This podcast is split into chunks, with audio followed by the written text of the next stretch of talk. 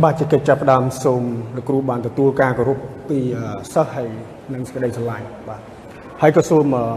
ជម្រាបសួរបងប្អូនទាំងអស់គ្នាដែរបាទបាទថ្ងៃនេះជាលើកទី1សម្រាប់ឡើងមកទីនេះដើម្បីនឹងនិយាយនៅទល់មុខបងប្អូនទាំងអស់គ្នា បាទហើយក៏អរគុណផងដែរសម្រាប់សេចក្តីអធិដ្ឋានរបស់បងប្អូន ដែលបានអធិដ្ឋានឲ្យខ្ញុំក្នុងការដែល យ៉ាព្រះអាចជួយដឹកនាំក្នុងការដែលនិយាយព្រះបន្ទូលរបស់ផងព្រះអង្គអឺបើមុននឹងយើងចាប់ផ្ដើមសូមបងប្អូនទាំងអស់គ្នាបានសម្រុំចិត្តអធិដ្ឋានដើម្បីឲ្យយើងបានដើម្បីឲ្យព្រះវិញ្ញាណទ្រង់បានដឹកនាំយើងក្នុងការដែលសិក្សាព្រះបន្ទូលរបស់ផងព្រះអង្គអស់គ្នាព្រះយេស៊ូវអរប្រគុណទ្រង់សម្រាប់សេចក្តីស្រឡាញ់ការប្រោះលោះហើយអរគុណទ្រង់ថែមទៀតសម្រាប់ការ ដែលទ្រង់បានអនុញ្ញាតឲ្យទូបង្គំបានជួបជុំគ្នាប្រយោជន៍នឹងសរសើរដំណើរសិក្សាព្រះបន្ទូលរបស់គ្នាហើយសូមប្រងបានទទួលសេរីល្អពីទូបង្គំខណៈពេលដែលទូបង្គំទាំងអស់គ្នាចូលមកថ្ងៃរបបសរបស់ផងទ្រង់នេះទូបង្គំសូមថ្វាយសេចក្តីអធិប្បាយនេះនៅក្នុង ព្រះដ៏មានបរមនាមដ៏ខ្ពង់ខ្ពស់គឺព្រះយេស៊ូវគ្រីស្ទអាមែន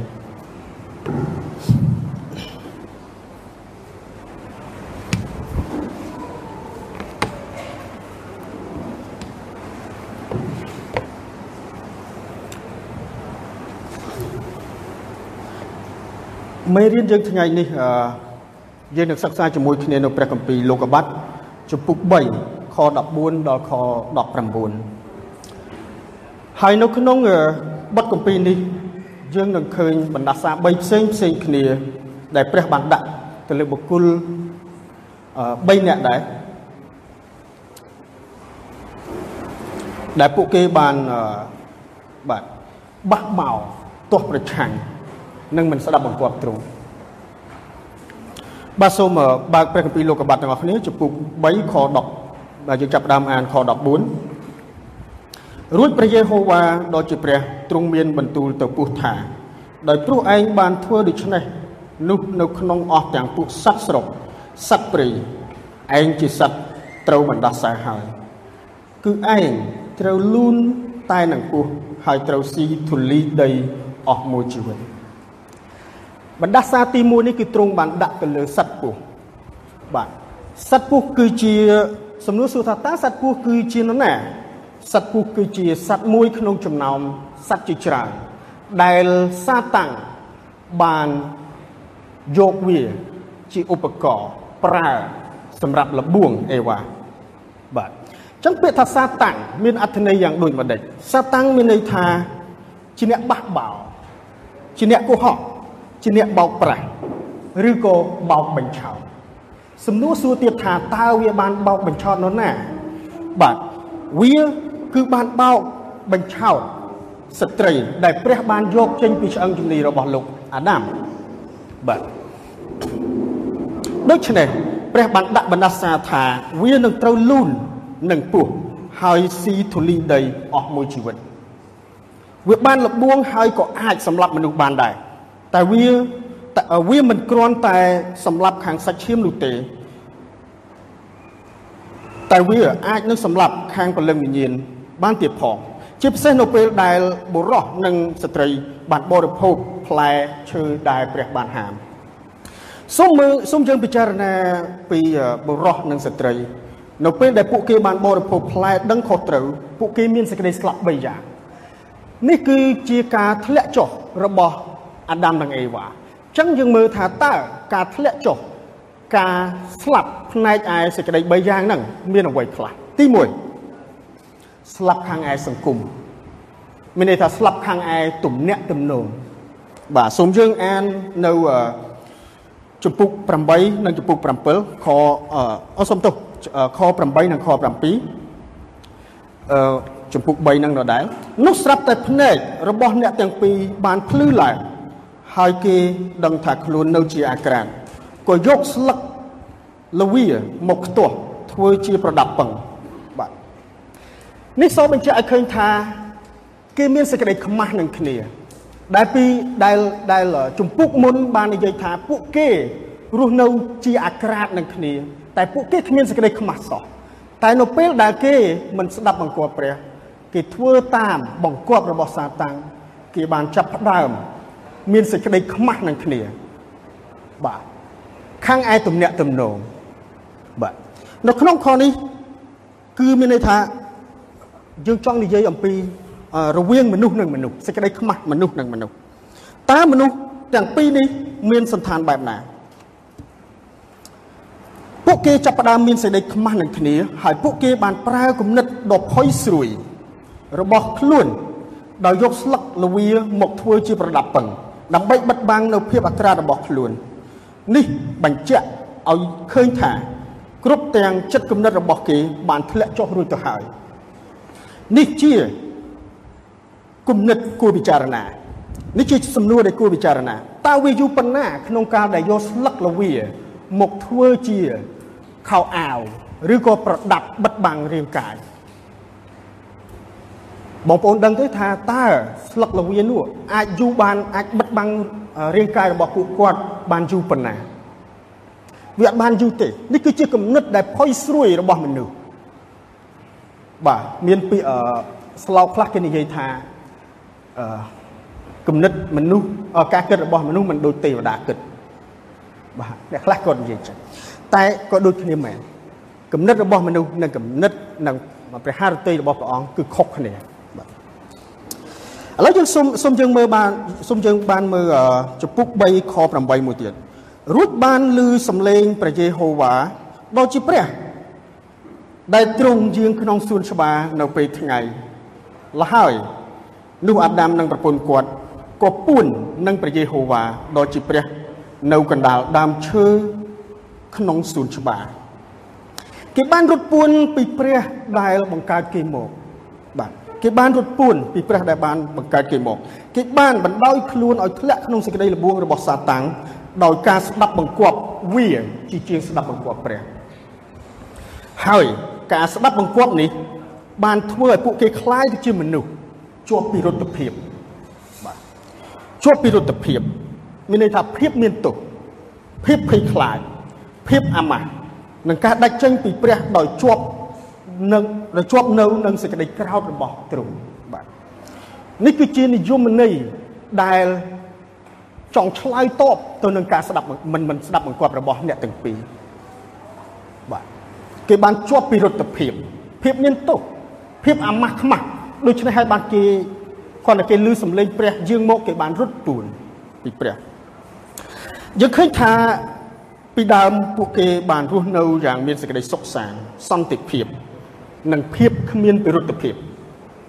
ហើយក៏គ្មានសេចក្តីខ្មាស់នឹងគ្នាសូមយើងបានមើលចំពុក2លោកបាត់ចំពុក2ខ25ឯអាដាមនិងប្រពន្ធគាត់ ក៏នៅជាអាក្រាតទៅទេឥតមានសេចក្តីខ្មាស់នឹងគ្នាឡើយបងប្អូនណាសាកពិចារណាឬក៏សាកយកខ្លួនយើងទៅដាក់ក្នុងអឺមនុស្សទាំងពីរនាក់ហ្នឹងមើលថាតើមនុស្សដែលអត់មានខោអាវសោះធ្វើយ៉ាងម៉េចធ្វើដូចម្ដេចឲ្យគ្មានសេចក្តីខ្មាស់នឹងគ្នាបានតែនេះគឺជាការអស្ចារ្យមួយដែលព្រះបានបង្កើតជារបៀបដែលព្រះបានបង្កើតពួកគេទាំងពីរមកយើងឥឡូវគាត់ដើរដោះអាវតិចនោះខ្មាស់គេចង់ 5ថ្ងៃអត់បាត់ទេបាទឬក៏ស្លៀកតាលីអូមួយហ្នឹងក៏ខ្មាស់គេដែរតែនេះជារបៀបជាអ្វីដែលទ្រង់បានបង្កើតពួកគេមក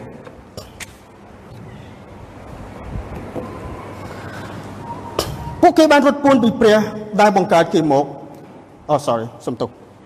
អានខុសបន្តិចបាទប៉ុន្តែ បាទកាលពីមុនគេអត់មានសេចក្តីខ្មាស់នឹងគ្នាប៉ុន្តែឥឡូវពួកគេមិនដូចពីមុនទៀតទេ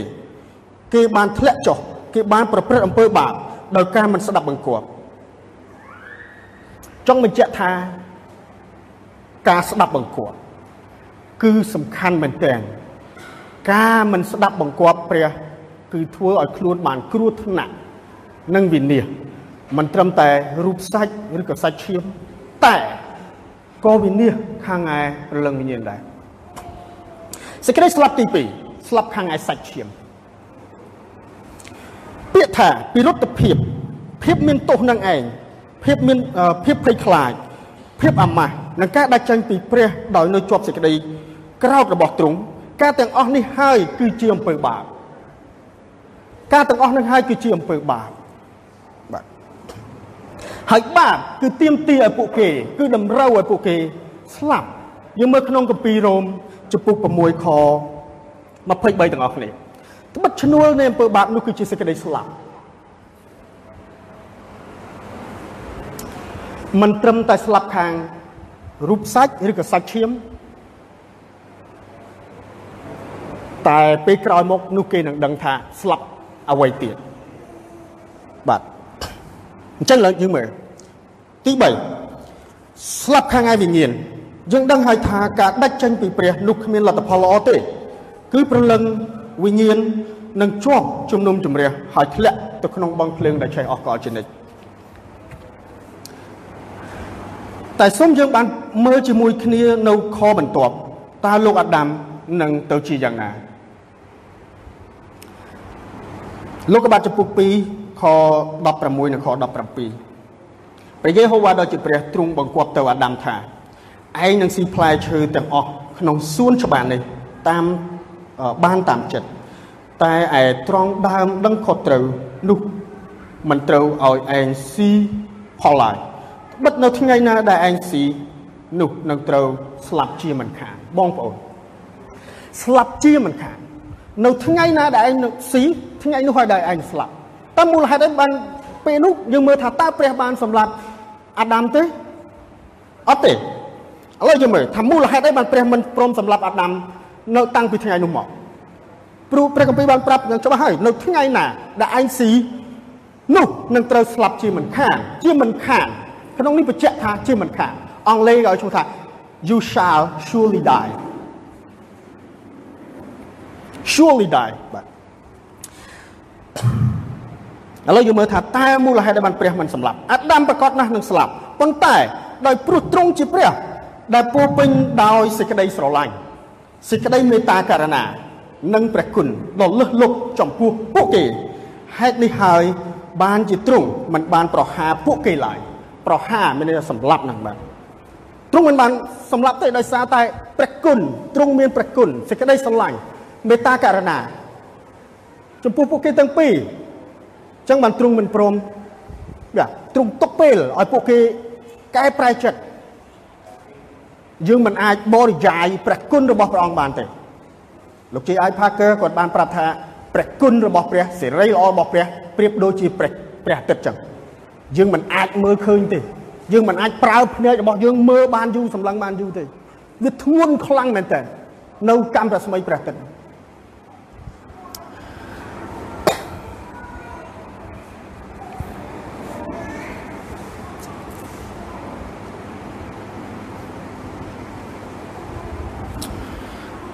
ចំណុចទាំង3ខាងលើនេះ បាទទី1ទី2ទី3ដែលខ្ញុំបានរៀបរាប់ខាងលើនេះ បានបង្ហាញយើងថាការដែលស្ដាប់បង្គាប់សាតាំងជាជាង ស្ដាប់បង្គាប់ព្រះនោះគ្មានលទ្ធផលល្អទេ គឺវានាំឲ្យ គ្រោះថ្នាក់ដល់សាច់ឈាមទំនាក់ទំនងរវាងយើងនិងព្រះ ជាពិសេសគ្រោះថ្នាក់ដល់លើវិញ្ញាណរបស់យើងផងដែរ មនុស្សជាច្រើន ដែលគេកំពុងតែបថុយនឹងភាពគ្រោះថ្នាក់ដោយប្រើគំនិតរបស់ខ្លួនឯងជាជាងការស្ដាប់បង្គាប់ព្រះគេព្យាយាមបំពេញទៅតាមបំណងចិត្តរបស់គេ នៅលើលោកីនេះព្រះគម្ពីរបានប្រាប់ឲ្យផែនដីគឺជាកន្លែងស្នាក់បណ្ដោះអាសន្នតើបងប្អូន ត្រូវយល់ឲ្យច្បាស់ថាត្រូវឲ្យបងប្អូនតែត្រូវតែធ្វើការរកស៊ីព្រោះនេះក៏ជាផ្នែកមួយនៃបណ្ដាសារបស់ព្រះអង្គដែរតែមិនមែនដើម្បីថ្គុំថ្កើងមិនមែនដើម្បីមុខមាត់មានបានទេភាពថ្គុំថ្កើងនិងមុខមាត់នោះគួរតែជារបស់ព្រះ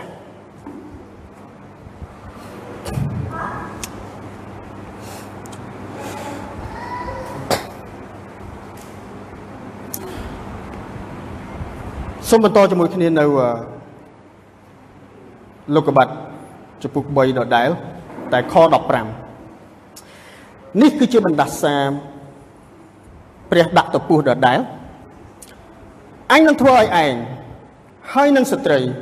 គឺទាំងពូជឯងនិងពូជនាង មានសេចក្តីខ្មាំងនឹងគ្នាពូជនាងនឹងកិនក្បាលឯង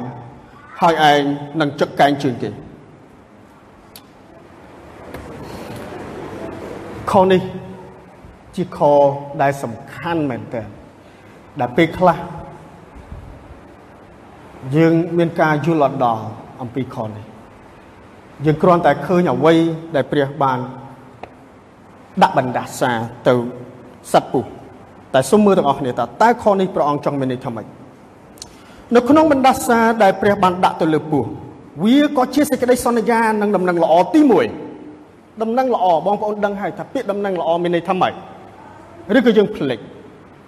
ដំណឹងល្អមិនមែនជាដំណឹងដែលមនុស្សកើតកូវីដតិចជាងមុនទេ ដំណឹងល្អគឺមានតែមួយទេ គឺជាដំណឹងដែលនិយាយអំពីព្រះអង្គសង្គ្រោះនៅក្នុងខនេះនៅក្នុងបណ្ដាសាគឺមានដំណឹងល្អ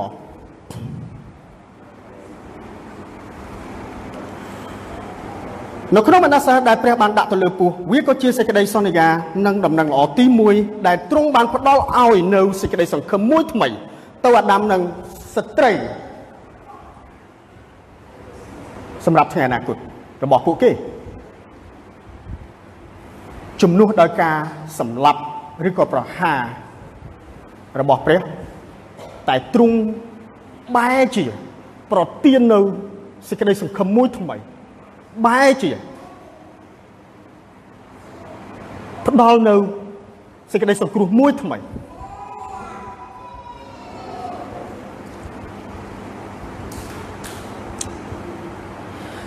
តាមរយៈខនេះយើងទាំងអស់គ្នាក៏មានសង្ឃឹមដែរហើយនៅពេលដែលអាដាមបានលឺខនេះយើងសាកសម័យមើលនៅពេលដែលមនុស្ស3នាក់ជាប់ទោសគឺហៅទាំង3ហ្នឹងដើម្បីទៅជំនុំជម្រះ ហៅទាំង3ហ្នឹងដើម្បីទៅកាត់ក្តីអញ្ចឹងអ្នកទាំង3គឺជាអ្នកដែលជាប់វិរុទ្ធភាពដូចគ្នាអញ្ចឹងអ្នកទាំង3គឺត្រូវឈរនៅមុខព្រះដ៏សុចរិតដើម្បីទ្រង់ដាក់ទោសទៅតាមស្ថានភាពនៃការប្រព្រឹត្តរបស់ខ្លួន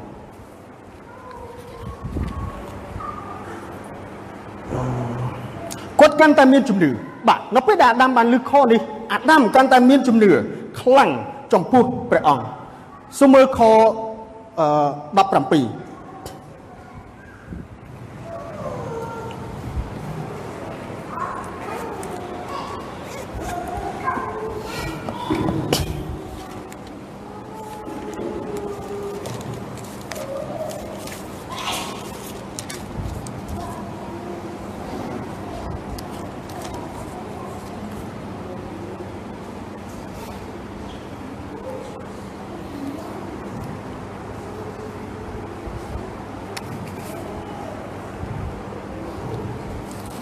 បាទសុំទោសខនេះខ្ញុំអត់បានសរសេរជួសក្នុងกระดาษដល់អញ្ចឹងទៅរកបន្តិច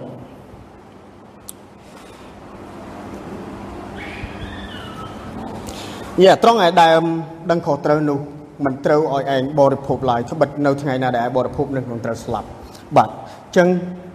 ជំនួសនៃការស្លាប់អាដាមទៅជាមានជំនឿកាន់តែខ្លាំងវិញវ៉ាវព្រះអង្គនឹងមិនសម្លាប់ខ្ញុំទេបើយោងទៅតាមខមុនអឺអឺជពុកមុន ព្រះអង្គមិនសម្លាប់ខ្ញុំទេនោះហើយធ្វើអាដាមកាន់តែមានជំនឿបាទហើយដំណឹងល្អទី1នេះបានលេចចេញនៅពេលដែលព្រះបានដាក់បណ្ដាសាលើសាតាំងបាទហើយយើងអាចឃើញថាឃើញវានៅក្នុងលោកកបាត់បាទព្រះគម្ពីរលោកកបាត់ចំពុក3ខ15នេះឯងបាទវាគឺជាខដែលសំខាន់ជាងគេបំផុតនៅក្នុងព្រះគម្ពីរ ដោយសារមានខនេះនោះអាដាមលែងជាប់ពីរដ្ឋភាពភាពមានទោសភាពអាម៉ាស់ភាពភ័យខ្លាចឥឡូវនឹងការជាប់សេចក្តីក្រោធរបស់ព្រះទៀតហើយដោយសារដំណឹងល្អនេះយើងទាំងអស់គ្នាក៏មានសង្ឃឹមដែរបាទក៏មានសង្ឃឹមដែរមិនមិនមែនតែអាដាមទេដូចនេះសូមអស់លោកបងប្អូនរួមទាំងខ្ញុំដែរត្រូវចងចាំនិងកុំភ្លេចពីដំណឹងល្អនេះ បើសិនជាយើងមិនរំលឹកឬផ្សាយប្រាប់ខ្លួនឯងជារៀងរាល់ថ្ងៃទេយើងនឹងភ្លេចបើទោះយើងដឹងថាមានស្ថានភាពប៉ុន្តែយើងហាក់បីដូចជាធ្វើធម្មតាបើទោះជាយើងដឹងថាមានការជំនុំជម្រះតែយើងហាក់បីដូចជាធ្វើធម្មតានៅពេលព្រឹកឡើង នៅពេលដែលយើងក្រោកព្រឹកឡើងប្រហែលអ្វីដែលយើងទាញមុនគេទូរស័ព្ទតាមមើលព្រោះខ្ញុំធ្លាប់ដែរបាទអញ្ចឹងសូមឲ្យបងប្អូនបាន ប្រាប់ខ្លួនឯងថាដំណឹងល្អបាទបាទយើងត្រូវផ្សាយដំណឹងល្អនេះជាប្រចាំថាយើងជាមនុស្សមានបាបជាមនុស្សអសមត្ថភាពក្នុងការជួយសង្គ្រោះខ្លួនហើយថាតើវានឹងមានអ្វីកើតឡើង ក្នុងសេចក្តីជំនឿរបស់យើងដូច្នេះយើងត្រូវចាត់ទុកដំណឹងល្អនេះជាទី1នៅក្នុងការរស់នៅយើងត្រូវចាត់ទុកដំណឹងល្អដូចជាសុខភាពខ្លួនឯងដែរបាទនេះជាការប្រៀបធៀបមួយដែរយើងត្រូវនៅពេលដែលយើងដឹងថាយើងឲ្យតម្លៃនៅពេលដែលយើងឲ្យតម្លៃទៅលើសុខភាពនោះយើងនឹងប្រយ័ត្ននៅអ្វីដែលគួរឬមិនគួរបរិភោគ សុខភាពយើងល្អណាស់សំខាន់ណាស់បាទប៉ុន្តែមិនមែនជាទី1ទេប៉ុន្តែនេះគ្រាន់តែជាការប្រៀបធៀបមនុស្សអ្នកមានពេលខ្លះគាត់មានការសោកស្ដាយដែលគាត់ពោពេញទៅដោយអំណាចពោពេញទៅដោយទ្រព្យសម្បត្តិតែសុខភាពរបស់គាត់បានធ្លាក់ទ្រុឌទ្រោមហើយឈានទៅដល់ ការស្លាប់ហើយដំណឹងល្អក៏មិនមែនជាសម្បត្តិគុណឬសម្បត្តិយន្តហោះដែលយើងត្រូវមើលត្រូវការមើលឬក៏ត្រូវការជិះម្ដងម្កាលដែរមិនតលយើងត្រូវការចង់ទៅអូស្ត្រាលីហើយយើងទិញទេ ដំណឹងល្អមិនមែនអញ្ចឹងទេបាទដំណឹងល្អគឺជាដំណឹងដែលនិយាយពីព្រះអង្គសង្គ្រោះទៅកាន់មនុស្សមានបាបមនុស្សកំសត់ទូរគត មនុស្សសោកសង្រេងនឹងលទ្ធផលដែលมันអាចជួយខ្លួនឯងបានម្ដងទៀតដំណឹងល្អនេះមិនមែនសម្រាប់តែអ្នកដែលមិនជឿនោះទេប៉ុន្តែជាពិសេសនោះគឺ សម្រាប់បងប្អូន ជាទីស្រឡាញ់ទាំងអស់គ្នា ដែលមកអង្គុយនៅទីនេះមិនមែនសម្រាប់អ្នកជឿទេមិនមែនគ្រាន់តែ សម្រាប់អ្នកជឿទេតែសម្រាប់បងប្អូនជាទីស្រឡាញ់ដែលមកអង្គុយទីនេះត្រូវនិយាយត្រូវផ្សាយដំណឹងល្អទៅខ្លួនឯងជាប្រចាំគ្រប់ពេលវេលា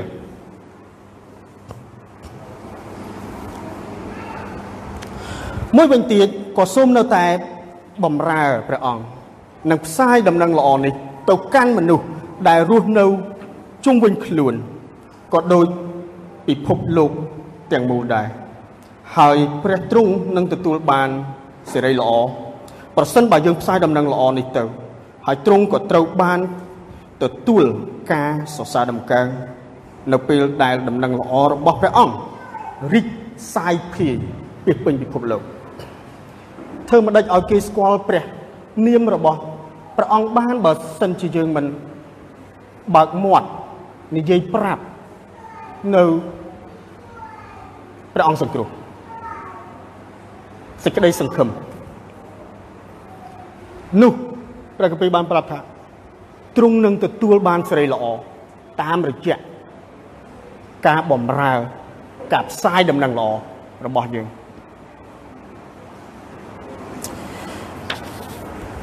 បណ្ដាសាទី2ទ្រង់បានដាក់បណ្ដាសាទៅស្ត្រីដល់វេនស្ត្រីម្ដងហើយបាទ មិញមិញពុះឥឡូវស្ត្រីខ16ចំពុក3ខ16ទ្រង់ក៏មានព្រះបន្ទូលទៅស្ត្រីវិញថាអញនឹងចម្រើនឲ្យឯងមានសេចក្តីព្រួយលំបាកជាច្រើនឡើង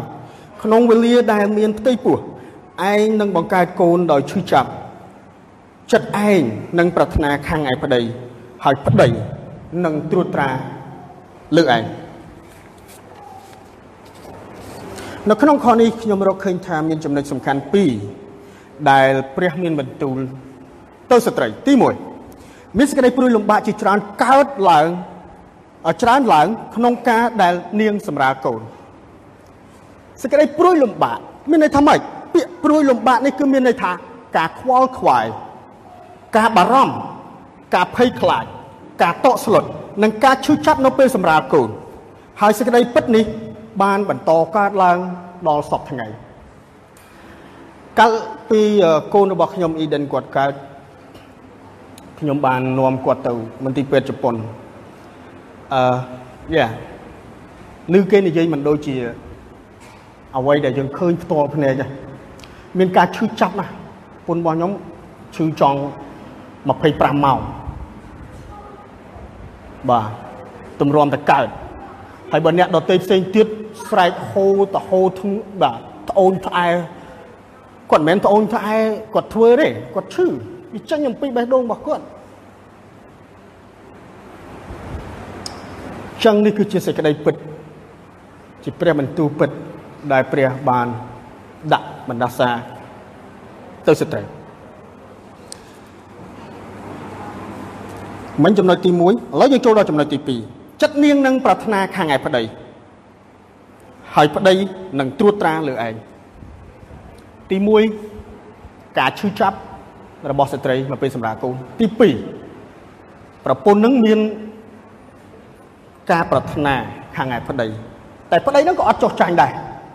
បាទប្តីក៏អត់ចោះចាញ់ដែរក្នុងព្រះគម្ពីរបានប្រាប់ថាហើយប្តីនឹងត្រួតត្រាលើឯងបាទឥឡូវចាំមើលពាក្យប្រាថ្នាខាងឯប្តីនៅទីនេះតើចង់មានន័យដូចម្ដេចគឺមានន័យថា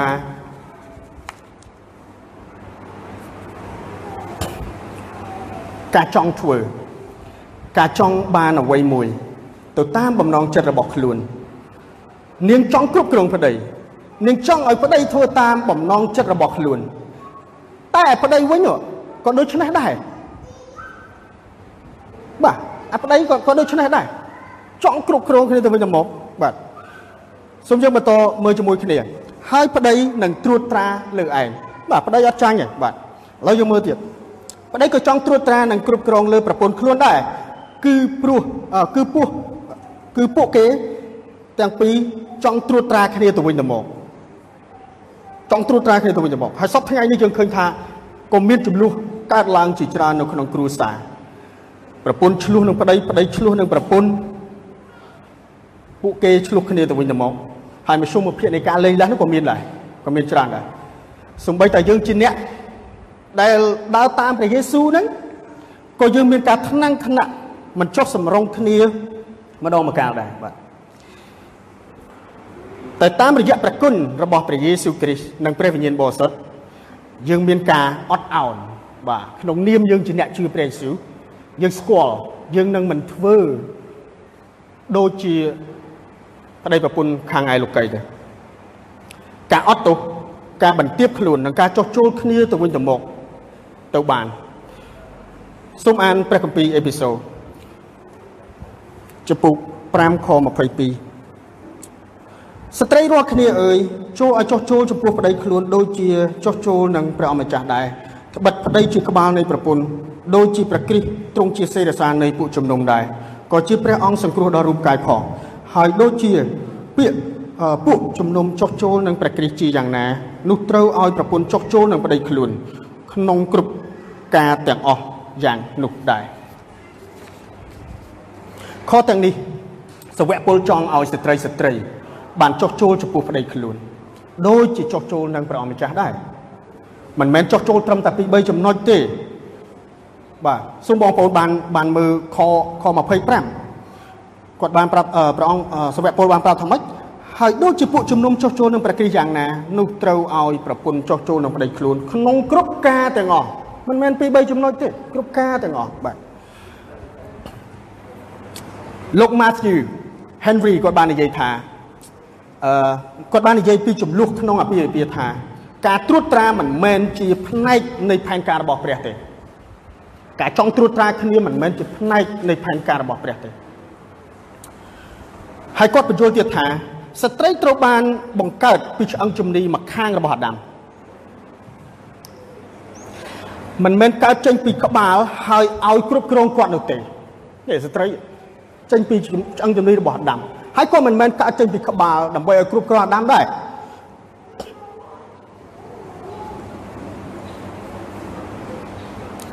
ក៏មិនមែនកើតចេញពីជើងដើម្បីឲ្យគាត់ជន់ឈ្លីដែរ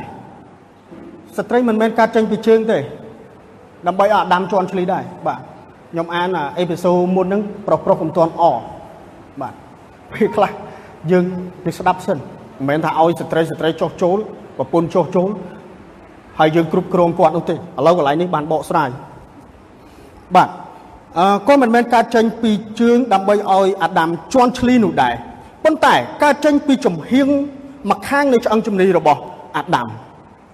ដើម្បីឲ្យមានភាពស្មើគ្នាជាមួយនឹងគាត់ នឹងនៅក្រោមដៃរបស់គាត់ហើយត្រូវបានការពារមើលថែនៅក្រោមដៃហើយចុះដៃនឹងមានទូនីតិធ្វើអ្វីការពារមើលថែក៏នៅចិត្តបេះដូងរបស់គាត់ដើម្បីឲ្យគាត់ផ្ដល់នៅសេចក្តីស្រឡាញ់បេះដូងបងប្អូនចិត្តបេះដូងហ្នឹងយើងផ្ដល់ភាពកក់ក្ដៅផ្ដល់នៅក្តីស្រឡាញ់ទៅប្រពន្ធរបស់ខ្លួនទៅស្ត្រីបាទជាពិសេសប្រពន្ធនឹងឯង មិនមែនស្ត្រីមិនមែនពុនរបស់យើងទេមានតែស្ត្រី ប្រពន្ធរបស់យើងចឹងយើងមើលថែគាត់ នេះគឺជាពាក្យរបស់លោក Mathai Henry ដោយការដោយសារការស្ដាប់ប្រពន្ធជាជាងស្ដាប់ព្រះនោះព្រះទ្រង់ក៏បានដាក់បណ្ដាសាទៅអាដាមថាអូសំទោសខ្ញុំអានម្លងតិចបាទអឺ យើងចូលដល់ចំណុចបណ្ដាសាទី3ចំណុចបាទបណ្ដាសាទី3រួចព្រះទ្រង់ក៏មានព្រះបន្ទូលយើងមើលខ10 17បាទរួចព្រះទ្រង់ក៏មានព្រះបន្ទូលទៅអាដាមថាដោយព្រោះឯងបាន ស្ដាប់តាមប្រពន្ធឯងហើយស៊ីផ្លែឈើនោះដែលអញបានហាមមិនឲ្យស៊ីឡើយនោះដីត្រូវមិនដាសាដោយព្រោះឯងឯងត្រូវរកស៊ីពីដីដោយនឿយហត់អស់មួយជីវិតដី នឹងដុះជាបន្លា ហើយនឹងអញ្ចាញឲ្យឯងឯងត្រូវស៊ីអស់ទាំងទិន្នជាតិដែលដុះនៅស្រែចម្ការឯងនឹងបានអាហារស៊ីដោយការបែកញើសដរាបដល់ឯងត្រឡប់ទៅឯងត្រូវជាដីវិញ ពីព្រោះអញបានយកឯងពីដីមកត្បិតឯងជាធូលីដីក៏ត្រឡប់ទៅវិញជាដីដែរជាដីវិញបាទដោយការស្ដាប់បង្គាប់ប្រពន្ធជាជាងស្ដាប់បង្គាប់ព្រះ នោះព្រះទ្រង់បានដាក់បណ្ដាសាទៅអាដាមថាដីត្រូវបណ្ដាសាហើយដោយព្រោះឯងឯងត្រូវស៊ីរកស៊ីពីដីដោយនឿយហត់អស់មួយជីវិតដីត្រូវបានខ្សោះជីវជាតិពីមួយឆ្នាំទៅមួយឆ្នាំបើតាមខ្ញុំកំណត់សម្គាល់មើលសូមអនុញ្ញាតឲ្យខ្ញុំបានប្រាប់រឿងមួយអំពីការធ្វើស្រែចម្ការកាលពីខ្ញុំនៅតូចអាយុ10ពី13ឆ្នាំខ្ញុំជួយធ្វើស្រែចម្ការ បាទរបស់ពុកម្ដាយហើយពេលនោះពួកគាត់ពិតជាពិបាកក្នុងការដែលប្រមូលទិន្នផលបាទហើយពីមួយឆ្នាំទៅមួយឆ្នាំការប្រើប្រាស់ជីកាន់តែច្រើនឡើងច្រើនឡើងដីត្រូវបានខ្សោះជីវជាតិព្រោះថាដីត្រូវត្រូវត្រូវបណ្ដាសារបស់ព្រះហើយពីមួយឆ្នាំទៅមួយឆ្នាំការប្រើប្រាស់ជីគឺកាន់តែកើនឡើងកម្រិតនោះកាន់តែច្រើនឡើងច្រើនឡើងហើយពេលនោះ ខ្ញុំអត់ដឹងទេខ្ញុំចេះតែឆ្ងល់ថាជុំមិនក៏ពិបាកធ្វើស្រែចម្ការមកម៉េចចឹងហើយបាននៅពេលដែលខ្ញុំរៀនចប់វិទ្យាល័យខ្ញុំក៏បានចេញមកខ្ញុំអត់ចង់ធ្វើស្រែទៀតព្រោះពិបាកធ្វើធ្វើវាមិនងាយបានផលហើយយើងក៏អត់ដឹងថាមូលហេតុអីយើងចម្ងល់នោះបានបានឆ្លើយចម្លើយនោះបានឆ្លើយនៅពេលដែលខ្ញុំមកនៅទីនេះ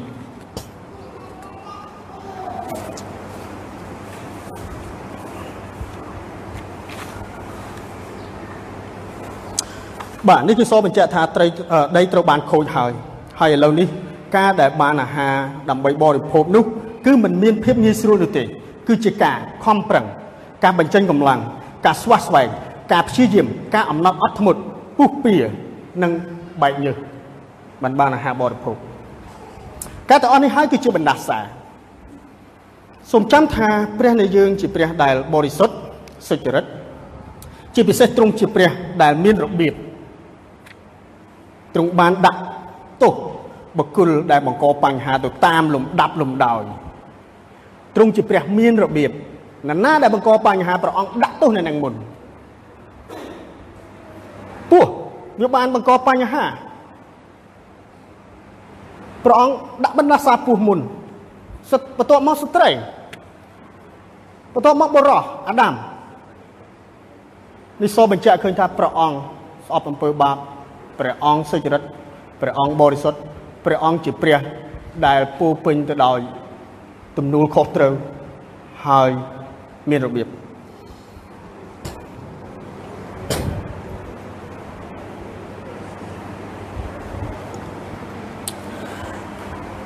យើងទាំងអស់គ្នាបានជាប់នៅក្នុងបណ្ដាសានិងអំពើបាបតាំងពីចំនួនលោកតាអាដាមនិងលោកលោកយាយអេវ៉ាមកម្លេះប៉ុន្តែ ដោយសារព្រះគុណនៃដំណឹងល្អបានដកចេញនៅសេចក្តីក្រោធបណ្ដាសាភាពអាម៉ាស់ពីរុទ្ធភាព និងអំពើបាបចេញពីយើង នោះដោយសារនិងដោយសារព្រះលោហិតរបស់ព្រះយេស៊ូវដែលទ្រង់បានខ្ចាយនៅលើឈើឆ្កាងនោះយើងបានជានីជាមួយព្រះអង្គវិញដូច្នេះអ្វីដែលយើងត្រូវតែធ្វើនោះគឺស្ដាប់បង្គាប់ ចោះចូលបន្ទាបខ្លួនថ្វាយបង្គំសរសើរដំកើងទ្រង់និងថ្វាយសេរីល្អដល់ព្រះយេស៊ូវគ្រីស្ទជាព្រះអង្គសង្គ្រោះនៃយើងសរុបសេចក្តីមកវិញថា ក្នុងបណ្ដាសានីមួយនីមួយសិតតែបង្កប់ នៅអត្តន័យហើយក្នុងបណ្ដាសាទី1យើងមានសេចក្តីសង្ឃឹមដោយសារដំណឹងល្អដែលទ្រង់បានដាក់ទៅសត្វពស់ហើយដោយព្រោះដំណឹងល្អយើងមានជីវិតនឹងមានវត្តមានមកឈរនៅទីនេះមកអង្គុយនៅទីនេះសូម ផ្សាយដំណឹងល្អនេះ ទៅខ្លួនឯងជារៀងរាល់ថ្ងៃថាយើងគឺជាមនុស្សមានបាបយើងមិនអាចជួយសង្គ្រោះខ្លួនឯងបានទេរាល់ទាំងការបង្កើតរបស់ព្រះ របស់ដែលព្រះបានបង្កើតមិនអាចជួយខ្លួនឯងបានទេ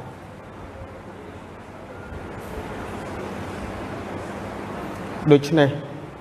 សូមចងចាំដំណឹងល្អ ពីព្រះអង្គសង្គ្រោះនៅក្នុងអារម្មណ៍និងចិត្តរបស់យើងទាំងអស់គ្នាសូមសម្រុំចិត្តអត្ថា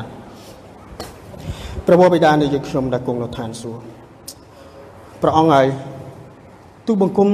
ជាមនុស្សទាស់ទទឹងបះបោក្នុងចិត្តគំនិតរបស់ទូបង្គំ